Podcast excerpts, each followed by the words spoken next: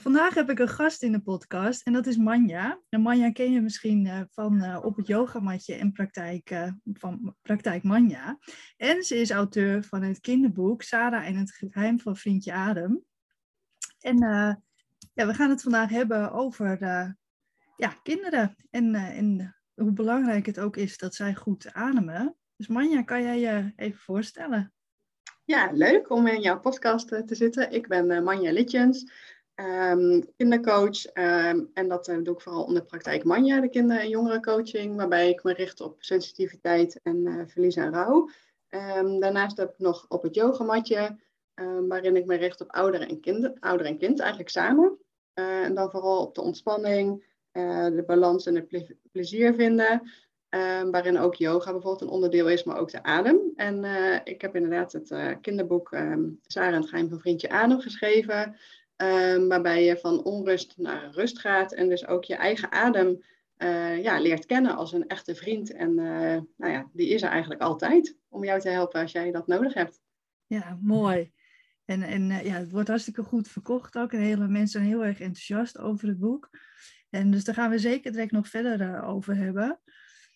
Um, ik, wil, ik wil graag aan jou vragen, wat merk jij of wat, wat kan jij als, als ouder merken aan je kind dat die last heeft van stress en, en eventueel ook ja, last van de adem? Dus wat ik noem altijd hyperventilatie.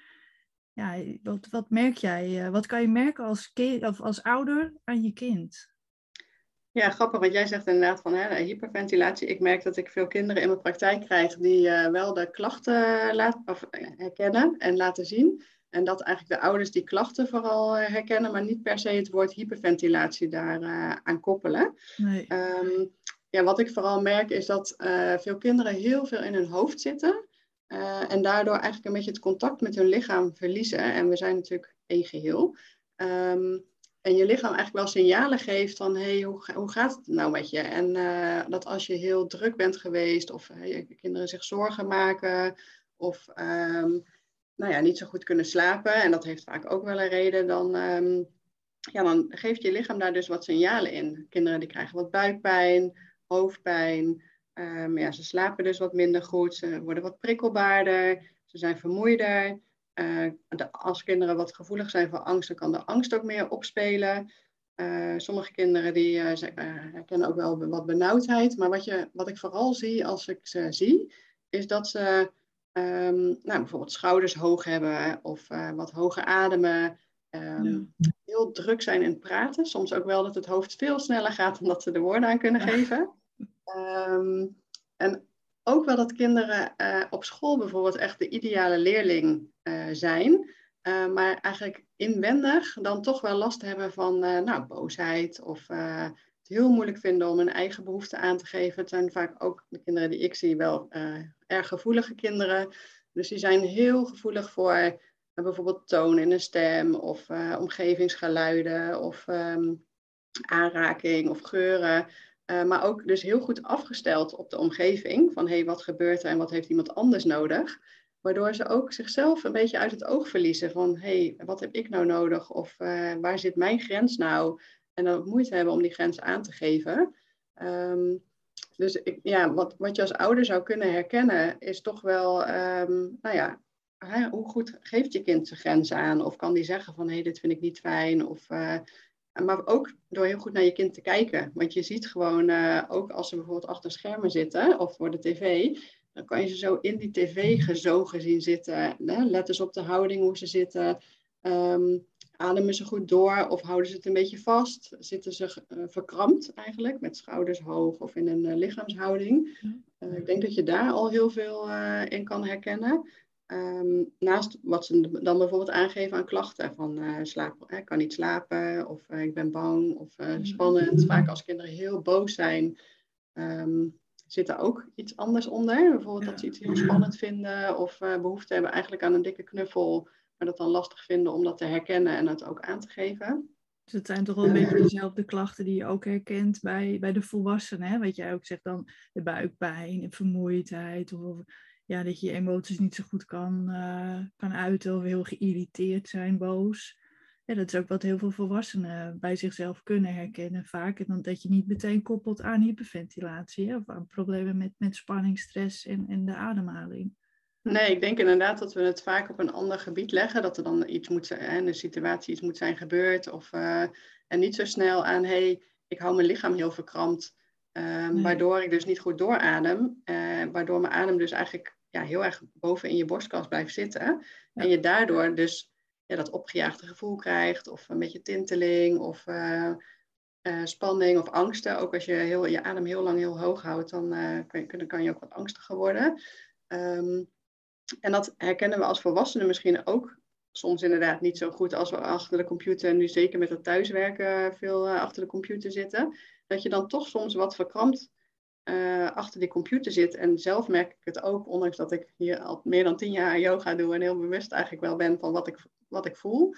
Het ook soms gewoon niet in de gaten heb dat ik al heel lang mijn buik wat gespannen hou, waardoor mijn adem dus ook niet kan zakken. Pas als ik dan stop en opsta, schouders hoog, uh, toch, ondanks dat je dan let op bijvoorbeeld houding achter de computer, toch als je ergens actief mee bezig bent en even je er helemaal op moet concentreren, toch je schouders inderdaad wat te hoog hebt. En uh, pas als je dan stopt, dan denk je, jeetje, mijn, lichaam voelt stijf en, uh, en, mijn buik gaat dan rommelen bijvoorbeeld. En dan pas realiseer je dat je toch weer te lang um, nou ja, bent doorgegaan en dus eigenlijk even een pauze tussendoor had moeten nemen.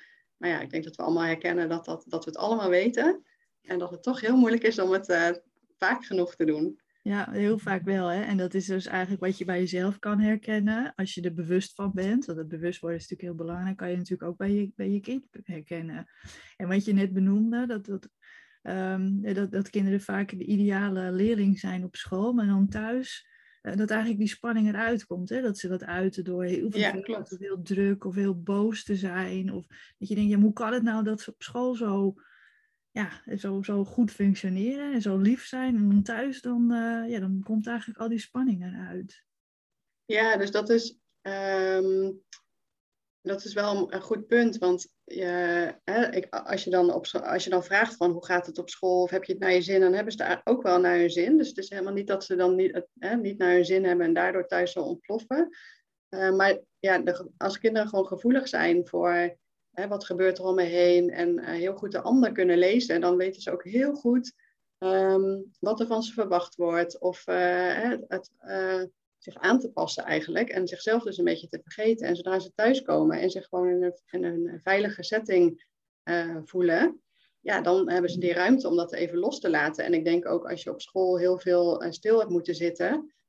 je hebt misschien toetsweek gehad of um, druk geweest met van alles.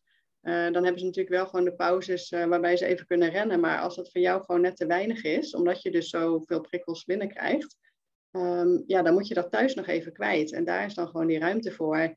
Um, dus ik denk, in plaats van dat je denkt, jeetje, waarom gebeurt dit nou altijd thuis en wat doe ik als ouder verkeerd, is het juist dat de kind zich eigenlijk dus heel erg op zijn gemak voelt om dit te kunnen laten zien. En het ook heel belangrijk is uh, dat ze het laten zien. Want kinderen die dat niet doen, is eigenlijk um, nou ja, voor het kind ook vervelend, want die houdt het dus allemaal binnen. En uiteindelijk ja, kan je daar toch lichamelijke klachten van krijgen.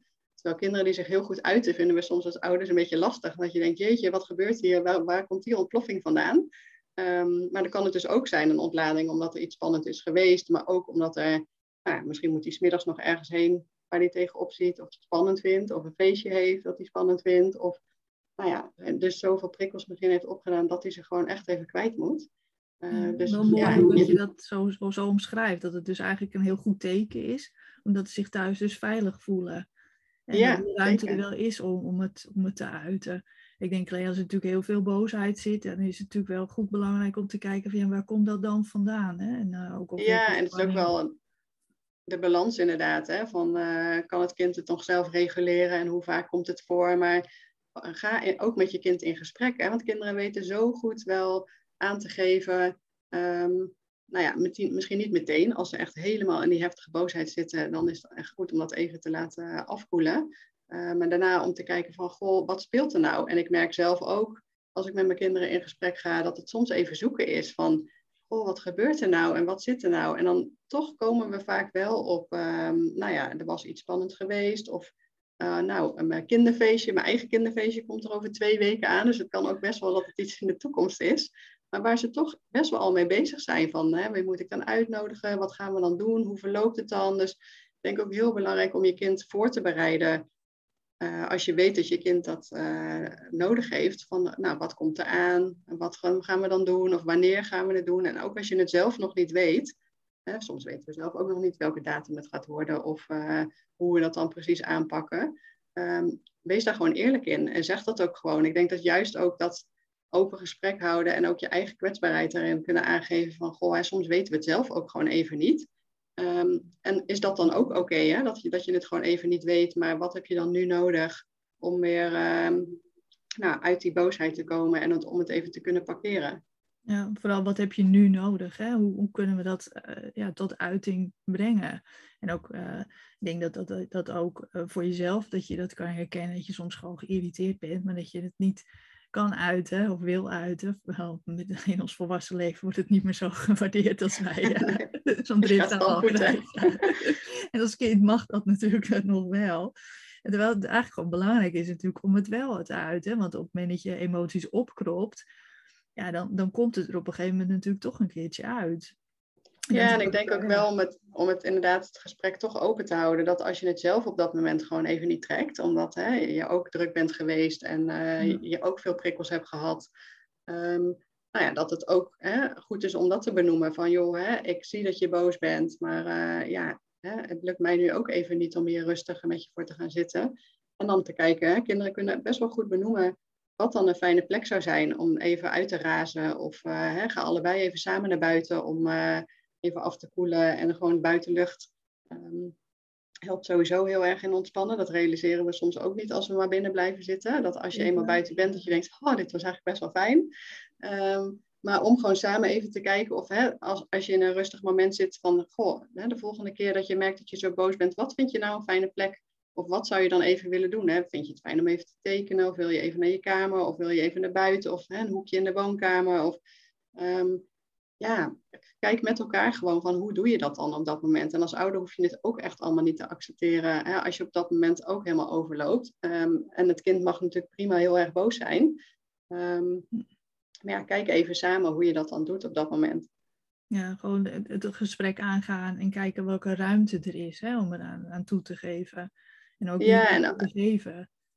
Ja, precies. En ik denk in de, in de heftigheid van de emotie ga je dat gesprek natuurlijk niet kunnen voeren op het, op het niveau dat je dat wil.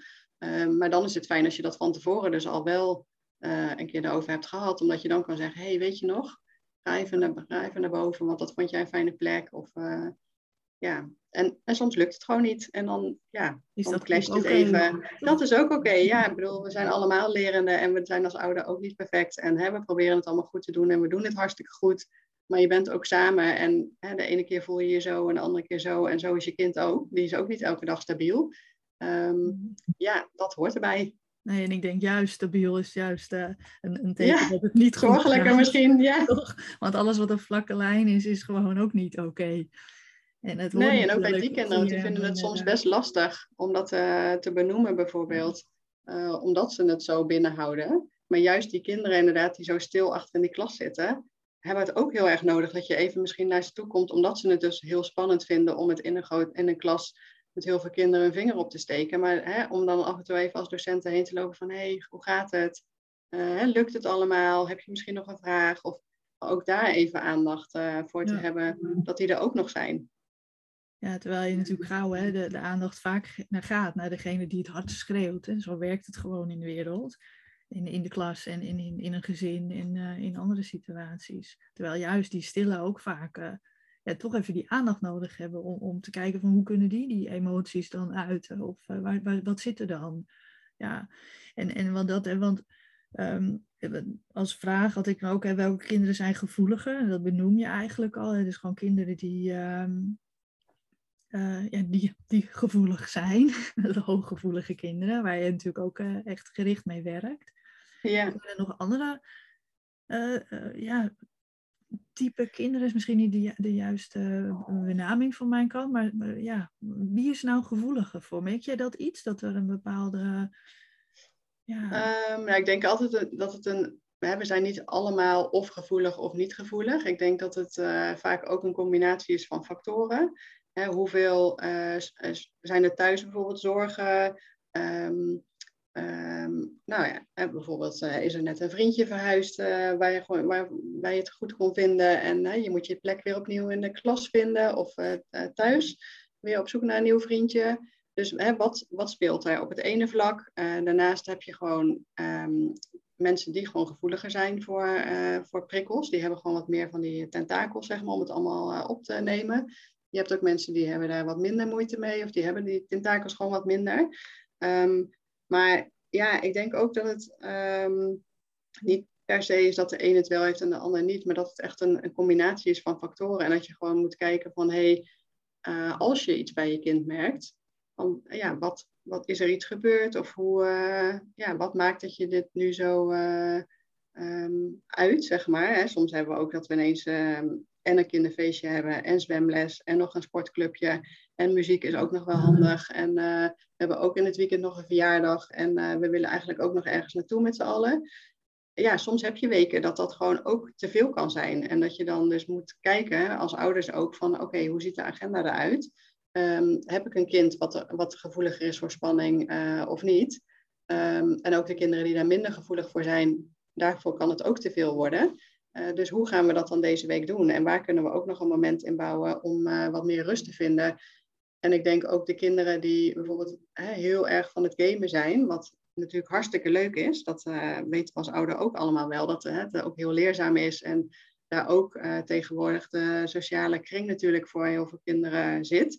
Um, maar ja, hoe ga je ook daar een balans in vinden tussen, nou ja, achter het scherm zitten en in welke houding zit je er wel achter? Maar ook dat je gewoon nog buiten komt en uh, even geen scherm hebt. Want we weten ook dat inmiddels dat het voor de ogen niet goed is, dat het voor de houding, ja. Uh, nou ja, toch ook wel uh, zijn effecten heeft. Um, maar ja, ook dat het een onderdeel is van de, van de wereld waarin kinderen zich nu veel meer begeven. En niet alleen um, de games, maar ook de telefoons.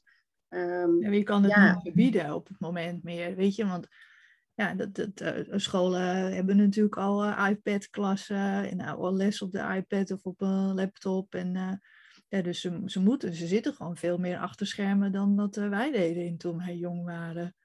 Ja, je ontkomt er ook gewoon echt niet meer aan. Nee, maar een heel andere manier van hoe wij met ons lichaam moeten leren omgaan. Hè? De ogen, en het is natuurlijk gewoon een verschillende onderzoeken dat de ogen van kinderen gewoon heel hard achteruit gaan. Doordat ze maar op één punt gefocust zijn. En doordat op dat scherm en veel minder in de verte kijken. Waardoor die oogspieren gewoon niet zo goed belast worden.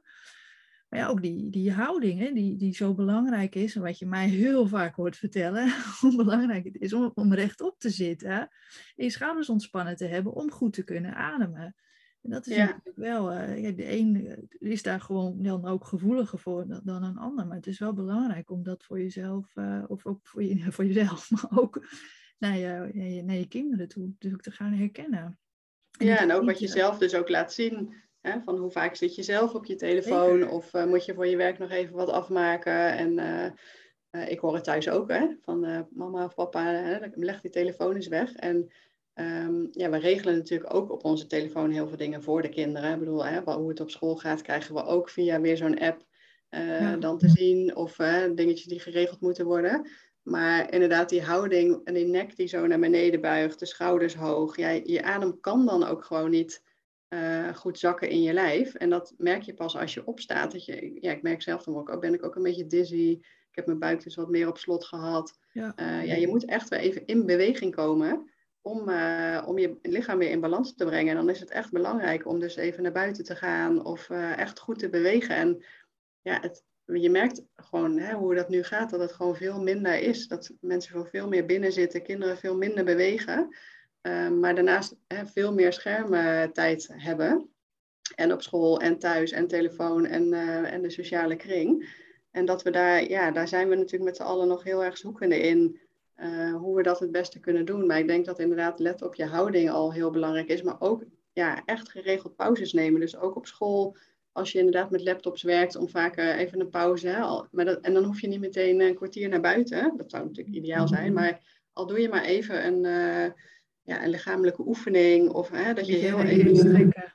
Eigenlijk, hè? wat rekken en strekken. Ja. Even je armen omhoog. En, ja, wij hebben vaak eh, allebei, tenminste, ik heb vaak mijn haar altijd los, omdat ik dan met mijn hand door mijn haar heen ga. En dan strek ik automatisch meteen een beetje. Ja, goed. Ja, weet je, dan maak je net even wat meer beweging om je, om je rug te strekken. En zo kan je gewoon wat kleine bewegingen gaan en ook je kind daar een beetje in stimuleren. Denk ik dat ze niet altijd stil moeten zitten, maar ook wat meer mogen bewegen, omdat het heel goed is voor die spieren. Ja, en ik denk ook als je hè, op school hebben we natuurlijk vaak ehm, vaste tafels. Terwijl je natuurlijk met heel veel verschillende lichamen te maken hebt. Maar al zou je ook maar heel veel uh, staanopties hebben, dat je het een beetje kan afwisselen. Dat merk je natuurlijk ook met het thuiswerken wel, dat door al het zitten, ehm, ja, dat is eigenlijk ook niet zo gezond. En je merkt gewoon als je ergens mee bezig bent, ja, je kan gewoon niet altijd even een pauze nemen, naar buiten gaan. Of, uh, maar inderdaad, het hoeft ook niet heel groot te zijn. Ik denk dat we vooral we moeten realiseren dat het gewoon klein mag zijn. Maar dat je het wel ja, inbouwt in je systeem. En het is gewoon een proces. Dit is gewoon iets wat je ook van jezelf moet weten.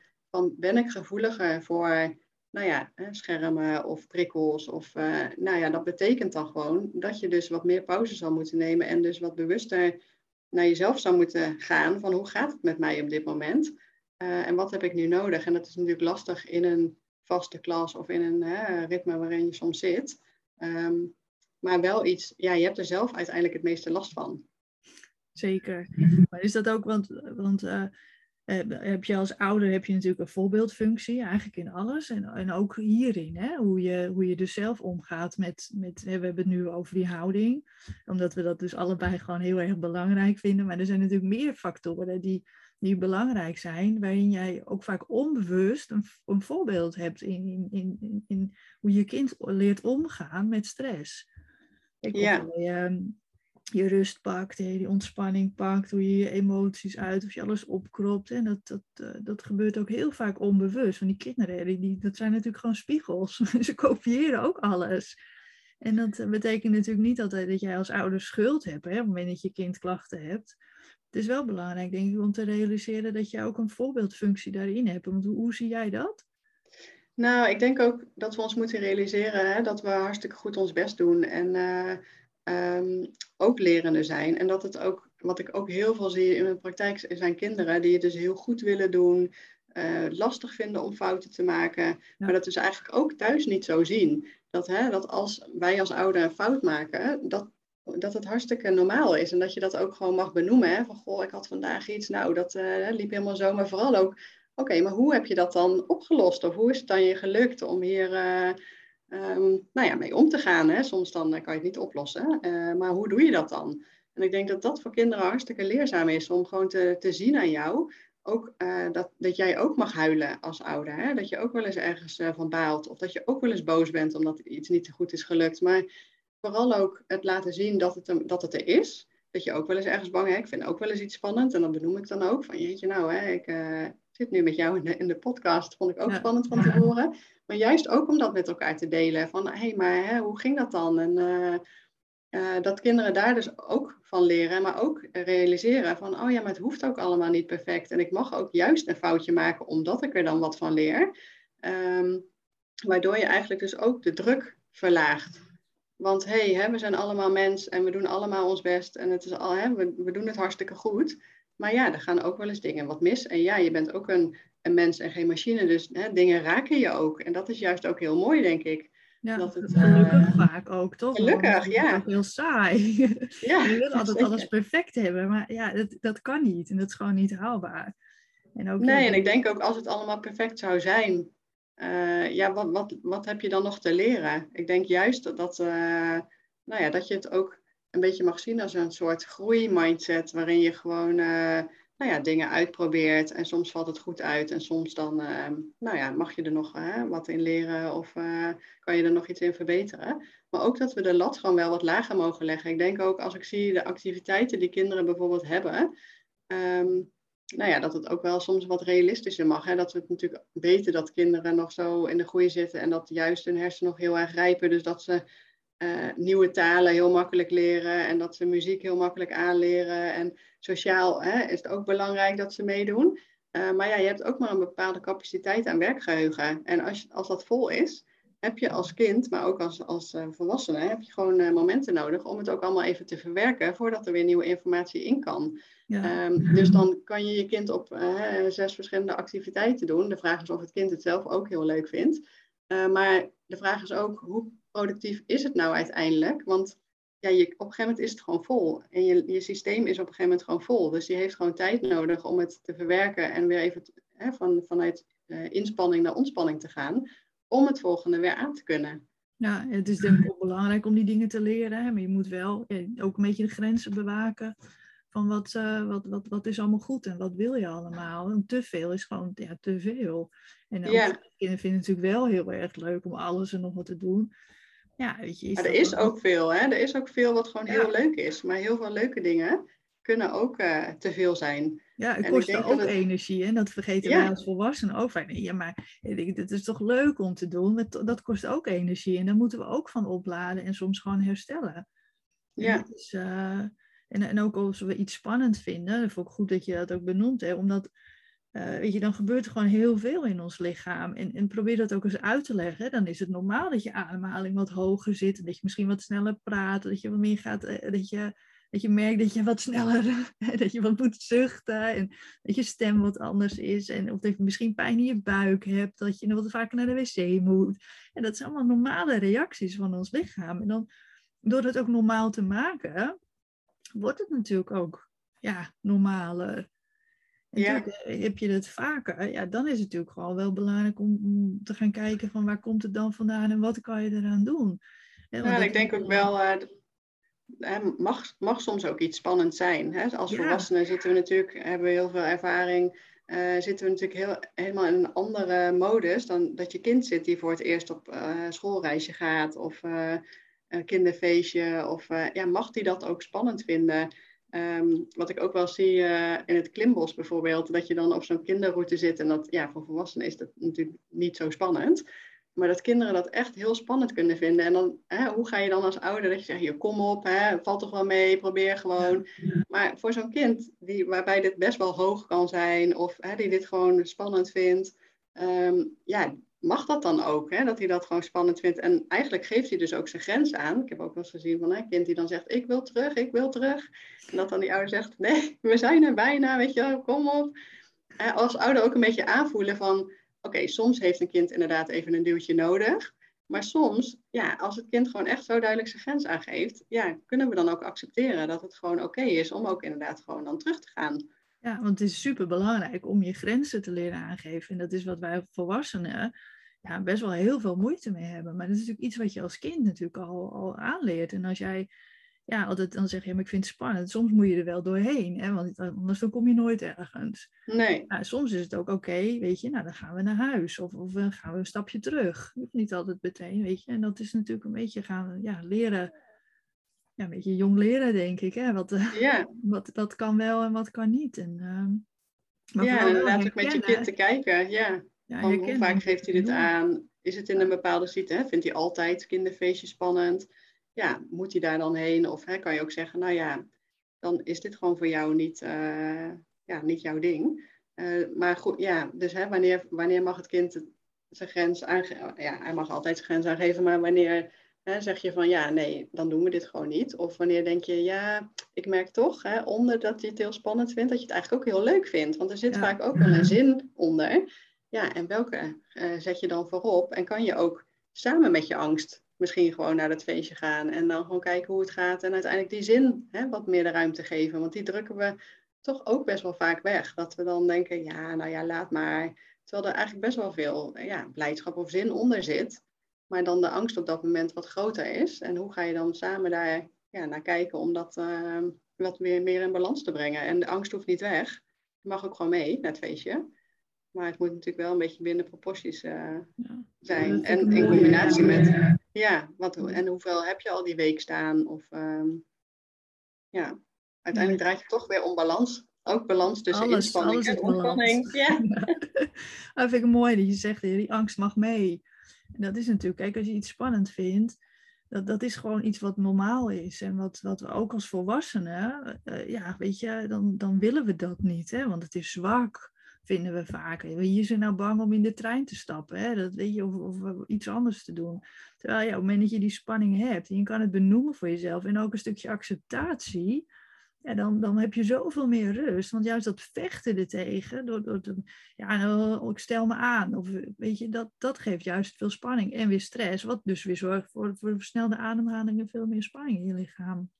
Ja, mooi dat je dat noemt. En ik merk inderdaad ook als het hier thuis bijvoorbeeld, uh, kan een van de kinderen ook heel erg ontploffen. Uh, en vaak zit er dan dus spanning onder. Dat zodra ik dat benoem, van hè, goh, of vind je dit misschien heel spannend? Meteen vlakt het al heel erg af, wordt het veel minder. Uh, merk je dat hij in een hele andere modus komt om daarna dus wel gewoon te kijken van hé, en wat vind je dan spannend? Nou, wat heb je dan nodig en hoe kan je het doen en hoe is het je de vorige keer gelukt? dat je vooral ook naar het proces kijkt van hé, hey, welke kwaliteiten heb jij, waardoor je dit jou gewoon hè, best wel lukt. En tuurlijk eh, vind je het spannend, dat mag ook gewoon. Um, maar doordat je het inderdaad benoemt, krijgt het gewoon ruimte. En dan, uh, ja, dan merk je dus al dat het wat meer uh, weg hebt. Ja, mooi, ja. Maar ja, maar um, we hebben natuurlijk al heel veel uh, ja, besproken. Ik hoop dat heel, heel, veel mensen er heel veel tips uithalen hoe ze met hun kind om kunnen gaan. Ik wil het heel graag nog even hebben over je boek.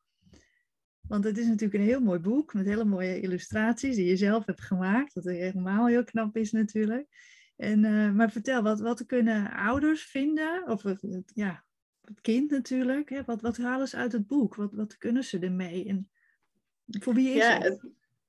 Ja, het boek is dus uh, dat je eigenlijk op zoek gaat van uh, wie is mijn adem nou eigenlijk? En die ontmoet je ook echt. Hij is, het is een, het hoofdkarakter in het boek.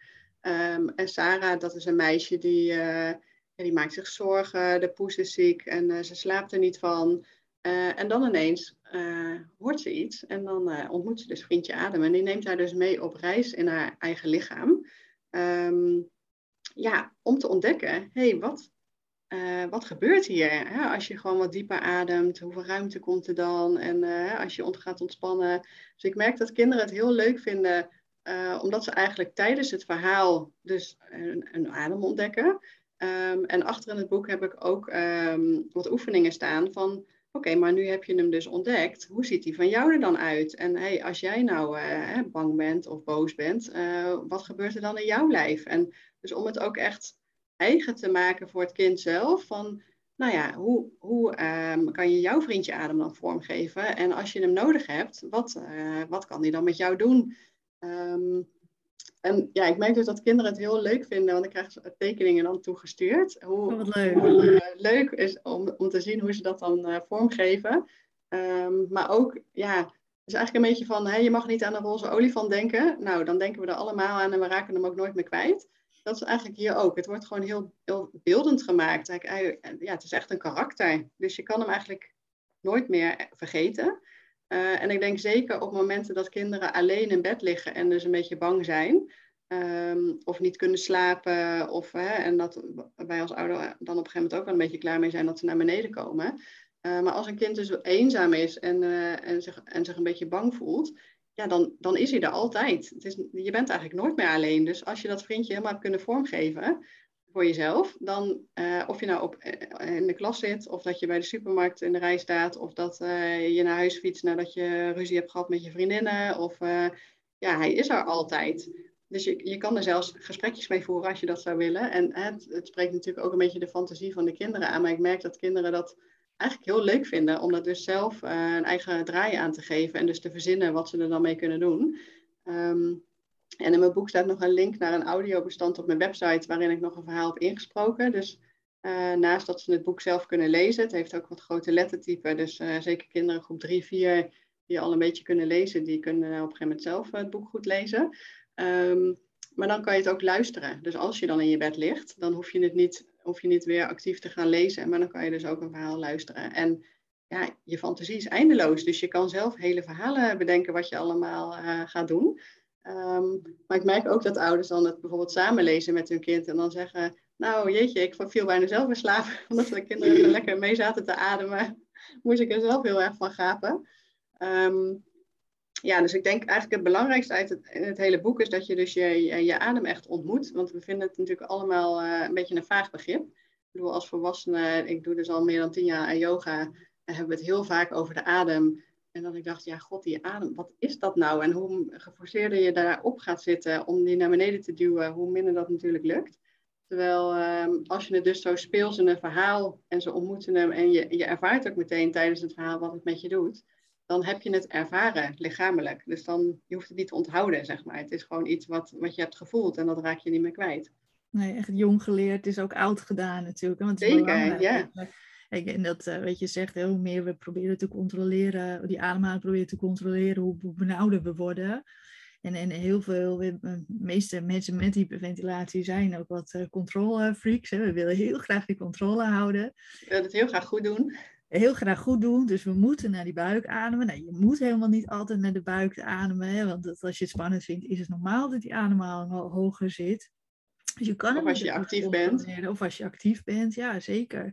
En, en dus ja, op dat als, als kind natuurlijk al bewust van te zijn. En ik denk ook dat, je, dat het helemaal niet alleen is voor kinderen die al klachten hebben, maar ook juist preventief, denk ik. Dat je dan al, al bewust kan zijn. En, en wat ik heel vaak merk is dat. Uh, eh, de ouders die contact met mij opnemen, dat is dan vaak ouders die zelf ook al last hebben van, van hyperventilatie, van angst- en paniekklachten. Ja, uit voorzorg kan je natuurlijk je, kinderen alvast goed leren omgaan met die ademhaling, waardoor het niet zo'n ding gaat worden. Nee, dat is het vooral, dat het zo'n ding wordt, denk ik. Omdat we steeds meer bewust worden dat de adem natuurlijk een fijn uh, middel is. Uh, en dat het uh, fijn is hè, als hij laag zit, dat je dan gewoon veel meer in, in je ontspannen modus komt en je zenuwstelsel kalmeert. Um, maar juist door er inderdaad heel gefocust aan te gaan denken en te gaan sturen, um, ja, is het gewoon lastiger. Terwijl ik denk, als je inderdaad opgroeit met, hey, je adem, die is er altijd en hè, die kan je gebruiken. En bij kinderen merk ik dat het gewoon, de ene dag uh, zijn ze er meer mee bezig. Hè? Willen ze yoga doen of vinden ze het heel leuk. En de andere moment hebben ze er echt helemaal geen zin in. Um, als ouder kunnen we hè, makkelijk vijf minuten lekker op een matje liggen en vinden we dat heerlijk. Ja, bij kinderen is dat gewoon veel vluchtiger, sneller. En dat is ook helemaal oké, hè? maar dat ze er gewoon bewust van zijn dat het er is. En hoe je hem kan gebruiken en, uh, en wat het vooral met je doet. Ik denk dat dat het belangrijkste is. Hè? Wat je merkt als je dus even rustig gaat zitten of als je yoga doet of uh, naar buiten gaat of spelen. Hè? Je hoeft niet eens iets per se met yoga te hebben. Maar, um, maar vooral, ja, weet je, buiten, we ademen, we ademen de zuurstof binnen, er is lucht. Het, het is er gewoon altijd. Ja, en, en, uh, en praktisch voor welke leeftijd is het boek eigenlijk het beste geschikt? Je zei groep 3, 4, is dat... Uh... En nou, eigenlijk vanaf uh, een jaar of 4, 5. Oh, maar vanaf 5 krijg je natuurlijk wat meer bewustzijn van... hé, hey, wat merk ik in mijn lijf en wat doet dit? Wel, ik heb ook ouders die zeggen... nou, mijn kind van 3 of 4, die zaten lekker mee te ademen. Want het is gewoon een verhaal. Je leest het, je leest het gewoon voor. Um, en je gaat ondertussen wat met je adem doen als spelletje. Um, dus ja, ze doen eigenlijk gewoon meteen mee, zonder dat ze heel erg beseffen van, goh, wat, hè, de, de, diepere ladingen, dat komt natuurlijk gewoon als je iets ouder bent. Um, maar mijn neefje van, uh, van anderhalf, die zat ook gewoon lekker in het boek te, te bladeren en die wijst dan de poes aan, of weet je, dus uh, dan kan je het al wel spelenderwijs gewoon mee over hebben dat het gewoon een voorleesboek is, zonder dat je het meteen zo um, ja, op diepere lagen, zeg maar, gaat, uh, gaat uit. Je hoeft niet zoveel uit te leggen, kinderen doen dit gewoon. Ja, dat is het mooie van kinderen natuurlijk. En tot welke leeftijd is het dan eigenlijk geschikt? Is het ook voor wat ouder, bijvoorbeeld kinderen van 8 tot 10? Of is het dan altijd... Zeker, ja, 8 zeker. Ik denk tot de nou, basisschoolleeftijd. Ik denk dat het daarvoor uh, heel leuk is. Um, en ik denk zelfs dat als je als volwassene dit ziet, dat je er ook nog tips uithaalt. Omdat je het gewoon ziet en ervaart en je daarna ook het nooit meer vergeet. Uh, omdat het dus uh, wat beeldender is. Hè? In plaats van dat we denken, de adem, ja, de adem ja, je ziet het niet, je voelt het wel, maar hè, het blijft zo vaag. Terwijl nu wordt het ineens een karakter. En hè, uh, mm. ondanks dat het een kinderboek, ik vind kinderboeken echt fantastisch. Ik denk dat ik de meeste inzichten uit kinderboeken haal, omdat ik een beelddenker ben en het juist heel visueel is. Um, dat het juist beter aanslaat, omdat het gewoon uh, ja, veel meer illustraties zijn en minder tekst. Um, en als ik zelf een boek moet kiezen en het heeft alleen maar tekst, ja, als beelddenker vind ik dat echt, uh, kost me echt heel veel energie en effort. Dat is ik heel herkenbaar voor heel veel mensen. Dus ja. eigenlijk zouden volwassenen er ook nog wat aan kunnen hebben. ja, ik denk een beetje als volwassene zou je misschien voor jezelf dit boek niet zo snel kopen. Maar ik denk als jij gewoon jonge kinderen hebt en je leest het samen. Um, nou, denk ik dat het voor jezelf ook nog best wel fijn is om het gewoon wat, wat visueler te maken. Ja, en overal om die minder die focus op die ademhaling, hè, om die er wat af te halen. Als je voor jezelf merkt van ja, ik ben altijd heel erg bewust van mijn ademhaling. Om het dan wat, uh, ja, wat speelser te maken, waardoor je er niet meer zo bang voor bent voor die ademhaling, maar dat het meer je vriendje wordt. Ja, en ik heb dus het boek zelf geschreven in een periode dat er een uh, familielid heel snel overleed. En dat ik dus op een nacht zelf niet kon slapen. En dit verhaal was daar ineens. Het gaf me ook best wel troost en gewoon het gevoel, je bent dus niet alleen. En, uh, en je, ja, je fantasie is dus eindeloos. Dus je kan gewoon uh, zelf bedenken hoe je, je vriendje Adem zeg maar, voor jou kan werken. En hoe het jou kan helpen. ik heb zelf ook vroeger ook paniekaanvallen gehad. En dan is het juist dat je adem eigenlijk je grootste vijand is. En ondertussen ook je grootste kracht. Want ja, je wil, als hij weer verlaagt en ontspant, en, dan word je er rustiger van. En juist het gevoel van ik wil heel erg weg van mijn lichaam en het voelt niet goed en ik ben onrustig. Uh, ja, uiteindelijk zal je ook het zelf weer moeten doen om weer rustig te worden en uh, uh, die balans weer te herstellen. En dan is juist je adem, ondanks dat het dus als je vijand voelt, ook juist weer je grootste kracht. En ik denk als je hem dan dus beeldend hebt ja, voor mij werkt dat dus beter als beelddenker. Om het dan dus als een plaatje en hem dan nou ja, in stapjes weer te kunnen verlagen. In plaats van dat ik een vaag begrip heb en ik weet dat het goed voor me is, maar kan er niet zoveel mee omdat het zo vaag blijft. Ja, en, uh, en, en weet je, er staan ook oefeningen hè, in je boek, zei je. Zijn dat dan ook een beetje op yoga gebaseerde oefeningen? Of is dat dan zoals wat beweegoefeningen? Of... Um, er staat een, een yoga oefening in. Um, maar er, staat, er staan vooral ook een soort, ja, wat meer coachingsoefeningen in, zeg maar, om dus uh, je kind het gewoon zelf vorm te laten geven. Van hé, hey, uh, als nou bepaalde dingen gebeuren die jij niet fijn vindt, wat zou je dan kunnen doen? Of hoe, um, ja, hoe ziet het er dan bij jou uit? Welke kleuren passen er bij welke emoties? Of een beetje meer, ja, eigenlijk een beetje in stapjes van je gaat hem eerst vormgeven en hoe kan die dan, uiteindelijk wil je natuurlijk dat ze gewoon hè, jezelf mee aan de slag kunnen. Dus hoe kan het jou het beste helpen? En dat kan je als ouder kan je dat niet zo goed verzinnen, hè, want je, ja, je bent je kind niet.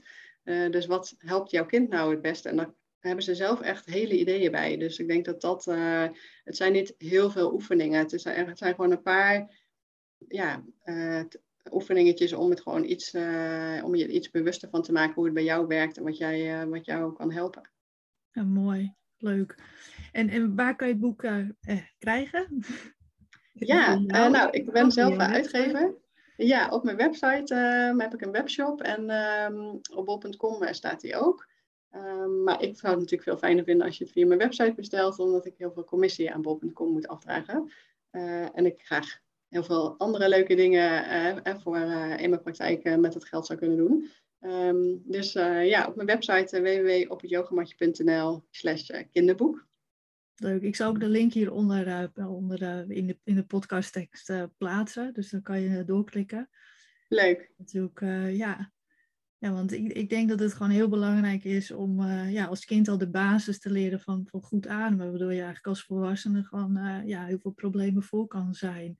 En, en we leven gewoon in een hele stressvolle tijd. En ik denk dat die, die stress gewoon alleen maar meer is geworden. Omdat de, ja, het, het wordt lastiger in sommige dingen om te ontspannen dat we gewoon ja, minder kunnen, minder mogen. En, ja, dus we, leven, we hebben meer stress dan dat wij hadden 30, 40 jaar terug, zeg maar, anders. Hè?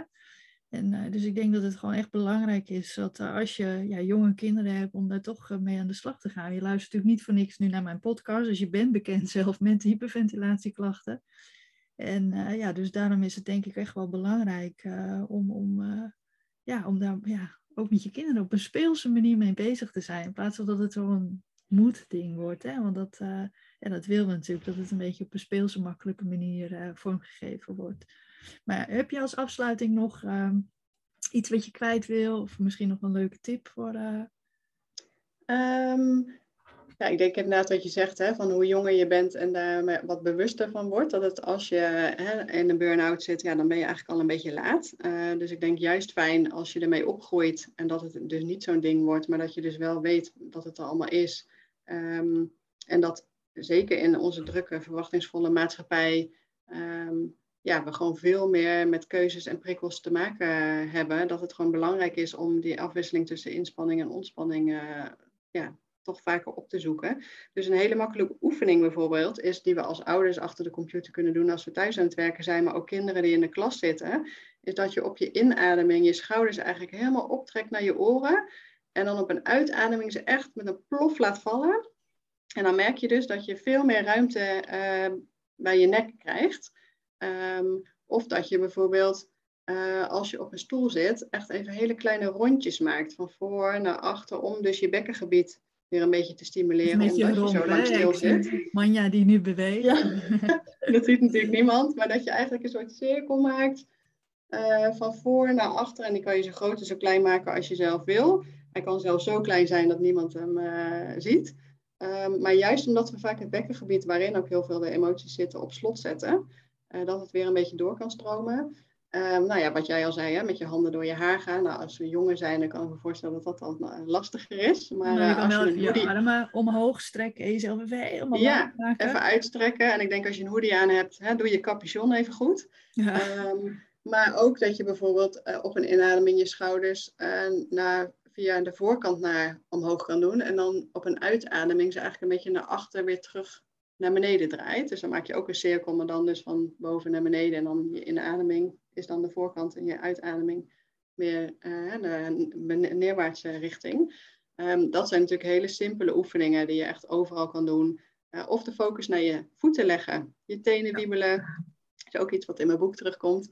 Maar uh, sta je in de rij bij de kassa en irriteer je je of zo, hè? wiebel even met je tenen, want dan haal je ook jezelf uit je hoofd, terug je lijf en naar beneden. Ik denk dat dat vooral proberen wat meer de focus op je lichaam te leggen, wat minder ja, zo druk in je hoofd uh, te ja, blijven. Ik zeg zelf het dan door je, de focus op je voeten gaat, die aandacht uit je hoofd ja. verder naar beneden, waardoor dat ja, vaak heel positieve effecten heeft, ook op de ademhaling. En wat bijvoorbeeld heel, wat ik ja, interessant vind aan de ademhaling, is wat er zoveel gebeurt in je lichaam met spanning. Maar op het moment dat je heel, uh, je voeten heel gespannen hebt, heeft dat ook meteen een heel negatief effect op de ademhaling. Dus die voeten ontspannen is ook gewoon super belangrijk. En dat kan je natuurlijk ook gewoon al, uh, ja, laat je kind ook meer wiebelen, denk ik dan. Hè? Dat ja, lekker naar buiten. Ja, naar buiten, bewegen, wiebelen. En zelf ja. ook misschien, hè? ook meer bewegen. Ik denk dat het echt heel waardevol uh, was om, uh, om, naar ons te luisteren. Hoop ik tenminste. Hoop ik ook. Vond het heel leuk om te doen. Ja, en ik hoop dat, je, ja, dat, uh, dat iedereen die geluisterd heeft heel veel tips eruit heeft gehaald om, om met je kind aan de slag te gaan. Dus kijk zeker ook eventjes bij Manja op de website en social media kan je er natuurlijk volgen. En, ja, en ik raad natuurlijk het boek van harte aan. Dus ik zal de link plaatsen nog een keertje hieronder. En ja, heel erg bedankt voor de. Voor ja, jij tijd. bedankt voor het leuke gesprek. Ja. ja,